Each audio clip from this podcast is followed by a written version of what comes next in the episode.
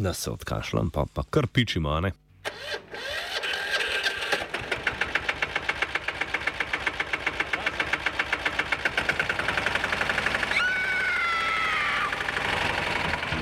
E, kaj pa je to? Ja, kultivator. Gre za neko vrsto apatije. To lahko reče samo kreten, noben drug. Socialni invalid in ga je ne mogoče urejati. Drugi kandidat. Pa, eh, pa pije, kadi, masturbira, vse kako ti lahko reče. Nihče tega ne ve. Vsak petek skultiviramo dogodek tedna. Lahko po kriterijih radio študent, težko pa po evropskih kriterijih. Ampak na drug način, kot vi to mislite. Kultivator vedno užge. da pač nekdo sploh omenja probleme, ki so in da pravzaprav sploh nekdo sproži dogajanje uh, v družbi. To drži, drži.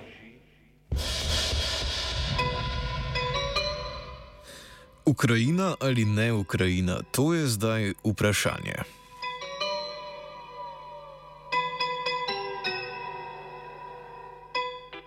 Tokrat bomo v kultivatorju ugotavljali, kako resno je stanje na več kot 2000 km dolgi rusko-ukrajinski meji. Že več mesecev smo priča vse večjemu segrevanju konflikta med sosedama, ki je zagnal občutek negotovosti in zaskrbljenja širom sveta. Konflikt se je v minulih tednih pričel stopnjevati zaradi vse večje ruske vojaške prisotnosti vzdolž ukrajinske meje ter ob vse ostrejši retoriki Vašingtona in Moskve. Združene države Amerike in njene NATO partnerice vse bolj pospešeno oborožujejo Ukrajino in pripravljajo na potencijalen spopad z njeno zahodno sosedo. Poleg vojaške pomoči pa Rusiji grozijo z obširnim seznamom gospodarskih sankcij, s katerim bi obhromili že zdaj stagnantno rusko gospodarstvo.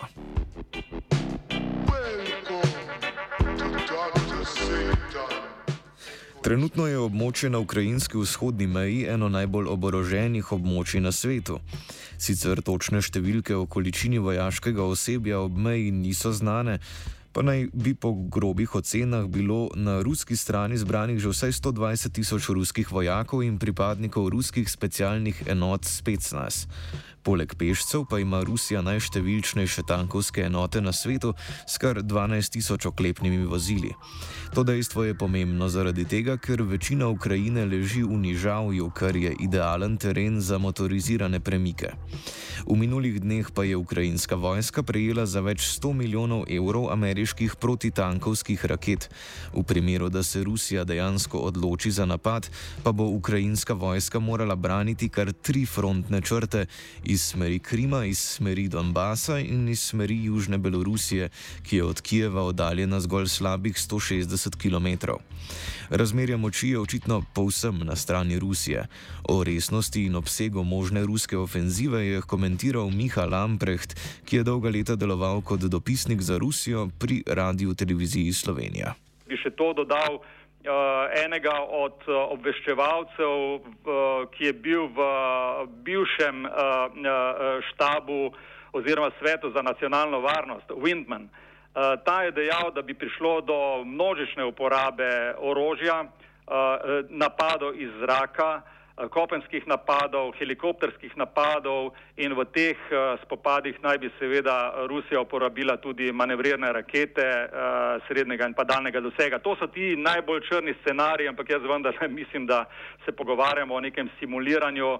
Uh, in da do tega, bi rekel, najbolj, črnega, uh, uh, najbolj črne uresničitve ne bo prišlo. Čeprav, kot sem dejal pred dnevi, uh, bi rekel, da vse je mogoče in pa nič ni izključeno, tako da tega ne moremo uh, nekako uh, um, zabrisati iz nekega vidnega polja. Sredi decembra lani je rusko zunanje ministrstvo objavilo predlog varnostnega sporazuma. Glavna zahteva je, da se ustavi širjenje Severnoatlantskega vojaškega zavezništva. Poleg tega ruski predlog zahteva, da tiste države, ki so bile članice pred letom 1997, torej pred prvo širitvijo na vzhod, umaknejo svoje vojaške sile v države, v katerih so jih imele pred širitvijo NATO. Z drugimi besedami, umik vseh zavezniških vojaških enot iz novih članic, v prvi vrsti tistih, v katerih so sile NATO stalno nameščene. To so Baltske države, Poljska, Češka in Romunija. Poleg tega bi sporazum prepovedal vojaške vaje v bližini meje med Rusijo in državami članicami NATO. Sporazum bi nadalje ponovno prepovedal rakete kratkega in srednjega dosega, kar je bila vsebina sporazuma sklenjenega leta 1987 s Sovjetsko zvezo in od katerega so ZDA odstopile pred tremi leti. Prav tako bi ponovno odprli komunikacijske kanale med Rusijo in NATO, naprimer redna srečanja med Rusijo in NATO, izmenjavo varnostnih ocen in tako naprej.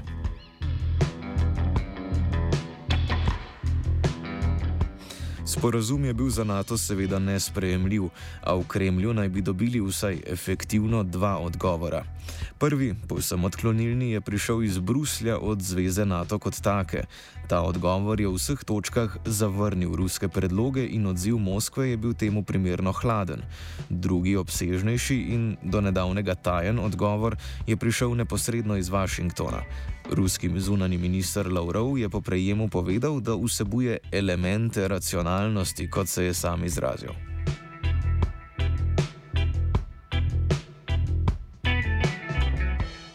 Diplomatsko dogajanje so zaznamovali tudi številni obiski in bilateralna srečanja. Predvsem ameriški zunani minister Antony Blinken je večkrat odpotoval v Evropo.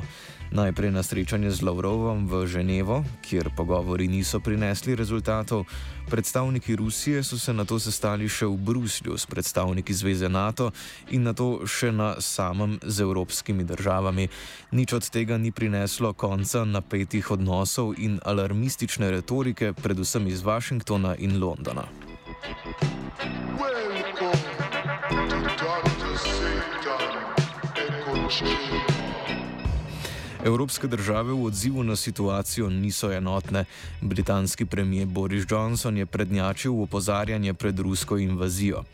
Velika Britanija je bila prva pripravljena oborožiti ukrajinsko vojsko z dodatnim orožjem, Nemčija na drugi strani je bila precej bolj zadržana in ni hotela sodelovati pri oboroževanju Ukrajine. Kot pove bruselska novinarka portala Ukrativ Aleksandra Bžozovski, so zaradi tega Ukrajina in ZDA obtožile Nemčijo, da se podreja Moskvi in lomi Atlantsko zavezništvo. Quite a lot of disappointment, at least you could sense it in, in the last two weeks, maybe. Especially, I mean, when we think um, that, especially because it's the biggest economy of the EU, um, while much smaller nations uh, were sending more practical military support and, and aid compared to what Germany has sent with the 5,000 helmets uh, in the hospital facility. So, I mean, it was it was up to a joke sometimes that uh, you know that was the reference point. Um, but I mean, we, we do remember that the whole situation, um, probably in terms of perception, got got actually worse when when Germany was blocking Estonia's delivery uh, of, of, weapons for some time, and at the same time, uh, the flight path of British transport planes were, uh, carrying weapons to Ukraine um, was that you know they had to clear, stay clear from from German airspace. So I think all of that was not not a great look. So to many many observers, I mean, either here in Brussels or or more internationally in the U.S um, it, it, was kind of a sign of a of a crack that appeared between Germany's image as a re reliable ally. Kljub temu, da je spor med Ukrajino in Rusijo na vzven videti kot produkt modernih časov, je resnica ravno nasprotna. Zgodovini Rusije in Ukrajine se prepletata že od nastanka prve protoruske kraljevine Kijevska Rusija iz konca 9. stoletja. Državi sta v preteklosti krojili usodo druga drugi. Do večjega preloma pa je prišlo v obdobju Sovjetske zveze in njene usode po padcu Berlinskega zidu. O problematiki rusko-ukrajinskega vprašanja pričakovanja po padcu berlinskega zidu, nam je pojasnil Lamprecht. Mi moramo postaviti tukaj uh, zadevo v nek širši zgodovinski uh, kontekst. Ne smemo namreč pozabiti, kaj je svoj čas napisal svetovalec v uh, Svetu za nacionalno varnost Zbignev Bžežinski. Mislim, da je bil to takrat na, v Beli hiši Jimmy Carter. In že Zbignev Bžežinski je opozoril na eno zelo pomembno zadevo, da bi bila uh, največja kataklizma uh, po uh, koncu druge svetovne vojne za Evropo in svet, če bi prišlo do razkosanja Ukrajine. Uh, Bžezinski je takrat uh, povzel, bi rekel, zgodovinska dejstva. Dejstvo je, da zahodni del Ukrajine nikoli ni bil pod vplivom, uh, bi rekel, Sovjetske zveze ali Rusije. In Bžezinski je opozoril, da bi takrat ločnica, ta geopolitična ločnica med vzhodom in zahodom tekla pač po, po reki Dnepr. Predsednik Putin vidi Ukrajino kot zgodovinsko neločljivo vezano na Rusijo. Večkrat je pokazal, da je geopolitična usoda Ukrajine absolutna prioriteta. Putin in bivši premijer Medvedjev sta lani julija napisala esej o zgodovinski povezanosti ukrajinskega in ruskega naroda. Vendar v eseju močno poenostavita ključna zgodovinska dejstva, meni Lamprecht. To je zelo, bi rekel kontradiktorna zadeva, pa če smo bolj natančni, ni samo predsednik Putin pisal tega eseja, za katerega je potem uh, ukrajinski predsednik Zelenski dejal, da, da si ni mislil, da ima ruski predsednik toliko časa, da piše še te eseje. Podobno je pisal tudi uh, nekdani premijer uh, Medvedjev. V osnovi, zakaj gre tukaj? Uh, oba sta cinično pravzaprav zanikala ukrajinsko državnost in pa njeno, lahko rečemo, civilizacijsko in pa zgodovinsko izbiro. Uh, neposredno sta kontrirala v bistvu zapisanemu v d, uh, temu, kar piše v ukrajinski ustavi. Namreč tam je uh, uradni Kijev zapisal, da želi vstopiti v, v skupnost Evropske unije in pa se pravi tukaj v gospodarskem političnem smislu, z vidika varnosti pa želi Kijev vstopiti v Severnoatlantsko zavezništvo. In seveda uh, Putin z tem, kaj bi rekli, lahko pogojno tudi irredentističnim uh, esejem, skratka neposredno negira v bistvu posem legitimne in pa suvereno pravico ukrajinskega naroda, da se odloča, kam gre. Povsem jasno je, da je razmerje vojaških sil povsem na strani Rusije. Orožje, oziroma kot ga imenujejo v Londonu in Washingtonu, lethal aid, je torej smrtonosna pomoč v obliki pehotnih protitankovskih in protiletalskih raket, ki tega razmerja ne morejo bistveno spremeniti. Še posebno vzhodno od Dnepra, kjer je prebivalstvo pretežno rusko govoreče in naklonjeno Rusiji, se ukrajinska vojska ruski ne more upirati. Na zahodu včasih omenijo, da je poslana pomoč primerna za gverilsko vojskovanje, a to predvideva obsežno vojno z na tisoče žrtvami. Drugo orodje odvračanja Rusije v rokah zahodnih držav so gospodarske sankcije. Ameriški kongres pripravlja zakon, ki bo ameriškega predsednika pooblastil, da sprejme obsežne sankcije, ki ciljajo predvsem rusko naftno in rudarsko industrijo. Dodajo še, da lahko poleg teh predsednik sprejme potrebne sankcije proti katerikoli ruski gospodarski panogi, ki se mu zdijo za to primerne. Nadalje bi bile na udaru ruske banke, ki jim je ZDA onemogočil dostop do dolarskega bančnega sistema. Podobne načrte imajo tudi v Evropi. Več Lamprecht. Le, bi rekel konkretno in na kratko, bi rekel, da Rusija lahko vzdrži sankcije, ampak težko. Zato, ker te sankcije, ki jih zdaj Zahod napoveduje, so v bistvu bistveno močnejše in ostrejše od tega, uh, kar jih je uvedel leta 2014, odkar je Rusija že pod režimom teh gospodarskih sankcij, ki pa je niso prizad, bistveno prizadele. Uh, tokrat bi bile obsežne, šle bi tako na gospodarski sektor kot na vplivne posameznike. Uh, Zahod sicer ni vsega razkril, Zahod govorim Združene države Amerike in pa Evropska unija In dejstvo je, da ima tudi uh, del Evropske unije svoj pogled na ta obseg sankcij. In uh, če bi uh, prišlo do izključitve Rusije iz tega mednarodnega sistema finančnih transakcij, ki se pač uh, kliče pod uh, oznako SWIFT, je to lahko tvegano, ker bi konkretno lahko prizadel tudi druga gospodarstva, recimo Nemško. Sicer pa bile, bi bile te sankcije lahko operjene zlasti na ruske izvozne tokove, plin, energente in kar je najnovejše, to tudi na predstavnike ruske elite, se pravi tist najožji uh, štab uh, predsednika Putina in menda tudi na Putina osebno. Uh, seveda bi šlo tudi na področje obramne industrije, umetne inteligence, kvantnega računalništva, potovanj v vesolje in kar je zdaj nekako v spredju zaprtje plinovoda Severni tok 2. Če bi recimo Rusija morala zapreti ta plinovod, so izračuni nekje simulirane scenarijo, da bi Gazprom, se pravi to državno monopolistično podjetje, uh, bi na dan utrpel za 190 milijonov evrov izgube. Rusija se je na sankcije sicer dobro pripravila, nabrala si je velike rezerve, predvsem v dolarjih, s katerimi bi lahko tako država kot podjetja še naprej plačevale svoje dolarske dolgove. To je sicer pomenilo, da je imela Rusija zadnjih sedem let zelo vrčevalno naravnane proračune in nižjo gospodarsko rast, kot bi jo imela sicer. Ampak mi ne smemo pozabiti, da je uh, v teh 20 letih vladavine predsednika Putina Rusija izoblikovala tudi tako imenovani rezervni sklad, uh, ki je nekje v vrednosti 500-600 milijard dolarjev. To pomeni, da bi lahko Rusija v, v tem smislu, v tem kontekstu uh, kratkoročno in pa srednjeročno lahko uh, uh, tem sankcijam nekako bila kos. Ampak kot rečeno, gospodarske sankcije so samo en vidik tega, uh, bi rekel, uh, uh, obsežnega potencijalnega spopada, o katerem pač zadnje mesece govorimo. Treba si ogledati medijsko ozračje, ki se je v zadnjem času zaradi konflikta razplamtelo.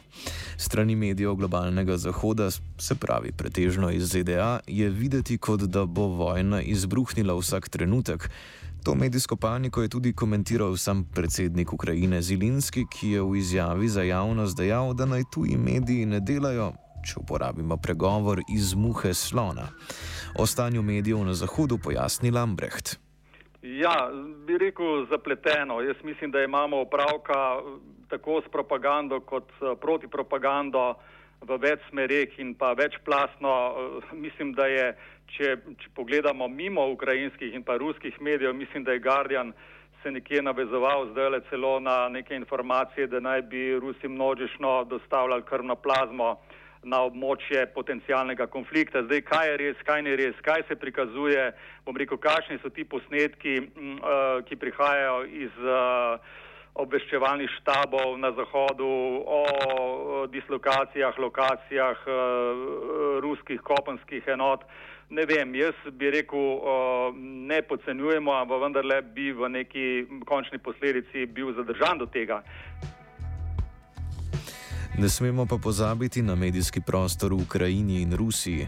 Mnenje o trenutnem medijskem prostoru tam komentira Lambrecht. Zdaj, kar, kar, kar zadeva medije, gledajte, tako ali tako so, je večina ruskih medijev z izjemo uh, majhnih otočkov neodvisnosti in pa uh, medijske svobode, kot je recimo Nova Gazeta, uh, so vsi pod, uh, pod dežnikom, uh, bi rekel, države. Ne? Ti mediji že davno nimajo več svoje svobode in, in, in samostojnosti, kot recimo tudi v nekaterih drugih državah. Ne?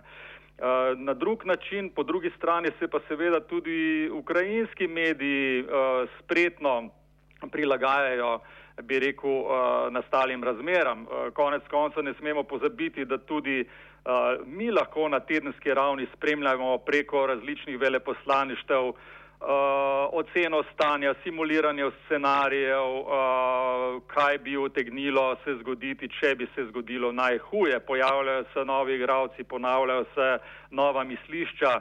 Vse pač za neko funkcijo, po moje, da pač Rusijo Zahod prepriča, da bi bila cena ki bi jo seveda plačala enormna, če bi se odločila za, za ta korak. Ampak, kot rečeno, se veste, se ti Dobršek je davno, davno že napisal znameniti članek Boj se Rusov. Na nek način se mi zdi, da pa vendarle moramo gledati nekako v kontekstu, kaj se je zgodilo v Evropi po pacu Berlinskega zidu. V minulih dneh pa se je sporu pridružil še tretji akter v obliki Turčije.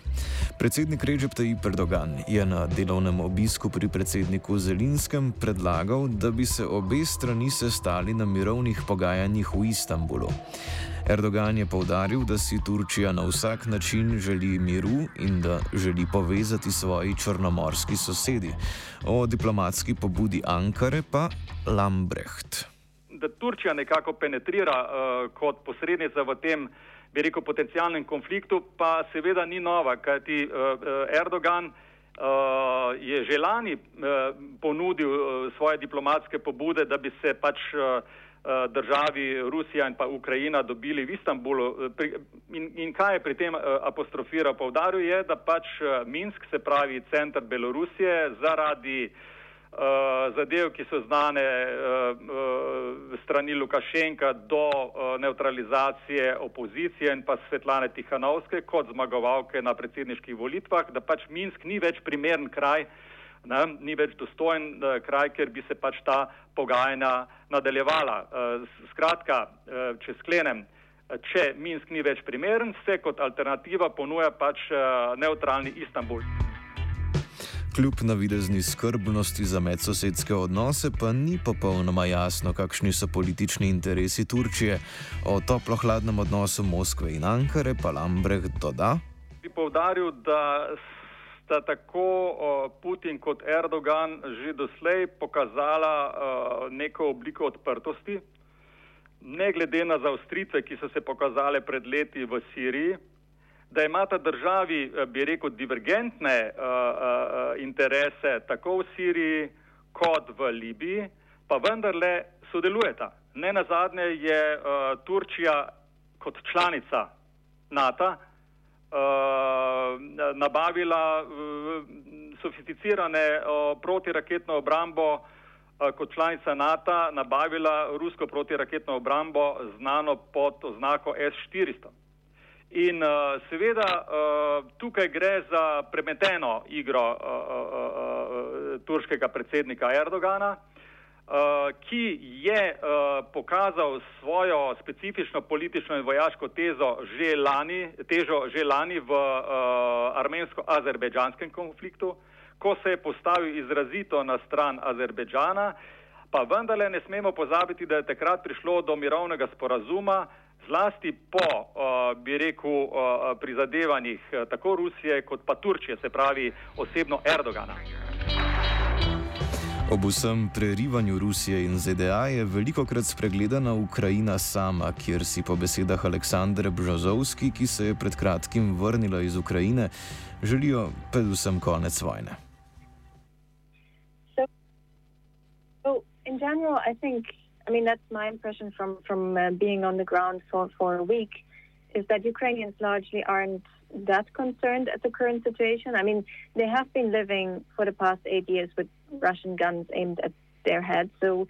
Um, it's a different threat level, I would say, but but the concern is not necessarily there. Um, we saw that Ukraine's President Zelensky has been trying to tone down um, some of the tensions. And uh, I think at least that was the impression that many Ukrainians um, actually agreed with him that the threat of a Russian invasion is not not something to panic about that, that is coming immediately.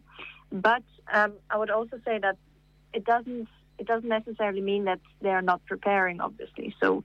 Um, I mean, one thing is the regular armed forces, which have been improved um, since 2014 uh, significantly. But the other thing is how ordinary people and especially the local people um, in the east of Ukraine, in, in, close to the contact line, are preparing. So they're, having volunteer defense forces and um, hold seminars on, on first aid, prepping bomb shelters, and, and basically sharing advice how to react in, in case something happens. So I think. Um, yeah, there's there's different levels of um, preparedness, and I think the most people that that we met um, on the ground actually say that they're exhausted by the conflict, and really the only thing is that they want it to end. Ukrajinski predsednik Volodimir Zelenski je pred dnevi pozval Washington naj ne govori o nevarnosti iminentne invazije, saj ukrajinske obveščevalne službe niso opazile ničesar, kar bi lahko kazalo na to, hkrati pa je ameriška retorika naredila vojno bolj verjetno. Yeah, I mean, it's actually quite interesting when, when we think about it, right? Because his remarks uh, came as a surprise to, I think, most Western observers. And um, I think the main question is basically why a country that for several years has basically uh, implored Western allies to take the Russian threat more seriously is now playing it down. So um, I think it's it's a very interesting relationship between Biden and Zelensky at the moment. And maybe one thing to add to that, I mean, yes, that, that were his statements, but at the same time, I think shortly afterwards, um, what you could see from Kiev and Washington is to to play down that sense of division between the two of them. So the U.S. has stopped to use the word imminent, which is, I think, interesting um, as a sign that both sides are quite aware that this this looked like an incoherence. Um, on the other side, I mean, obviously the, the relationship between Biden and Zelensky will now be a critical factor in the next few weeks to see whether Putin is either stepping down or or actually ordering some kind of incursion. But I think most of the Ukrainian officials uh, that we spoke to, and, and, most of them actually say privately that um, they fear that the U.S. might have um, kind of upped the pressure on Russia in order to quickly start strike a deal um, on something, uh, be it autonomy for breakaway Eastern Ukrainian regions or, or something else, in order to, you know, for the U.S. to come back to dealing with issues like China. So, again, I think my impression from the trip was that most Ukrainian officials were aware and, and very pragmatic about the risk. And um, obviously, they were also happy about the support they were getting from, from the UNATO and individual member states. But Trenutno je videti, da so politične napetosti dosegle zenit, a kljub stalnemu naraščanju možnosti vojne, dejanska eskalacija v totalno vojno ni verjetna. Kljub grožnjam ruskega medveda pa je ravno ta grožnja utrdila ukrajinsko voljo do odpora. Rešitev krize bo zagotovo lahko dosežena le po mirni poti in ne prek konstantnega merjenja raketnih arzenalov. Vendar, kot pravi stari pregovor, se zgodovina rada ponavlja, kar je bilo na ozemlju Ukrajine še prevečkrat dokazano. Ukrajinska zemlja je prežeta z grozotami front Prve svetovne vojne in masovnimi genocidi Druge svetovne vojne. Lahko samo upamo, da se te grozote ne bodo več ponovile in da bo v umih voditeljev za spremembo dom našel razum.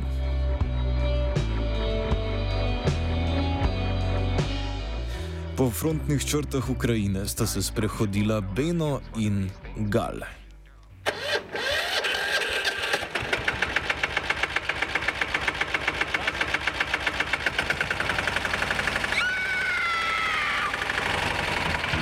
E, kaj pa je to? Ja, kultivator. Gre za neko vrsto apatije. To lahko reče samo kreten, noben drug. Socialni invalid in ga je ne mogoče urejati. Drugi kandidat. Pa, pa pije, kadi, masturbira, vse kako ti lahko reče, nihče tega ne ve. Vsak petek skultiviramo dogodek tedna. Lahko po kriterijih radio študent, težko pa po evropskih kriterijih. Ampak na drug način, kot vi to mislite. Kultivator vedno užge. Da pač nekdo sploh omenja probleme, ki so, in da pravzaprav sploh nekdo sproži dogajanje uh, v družbi. To drži, drži.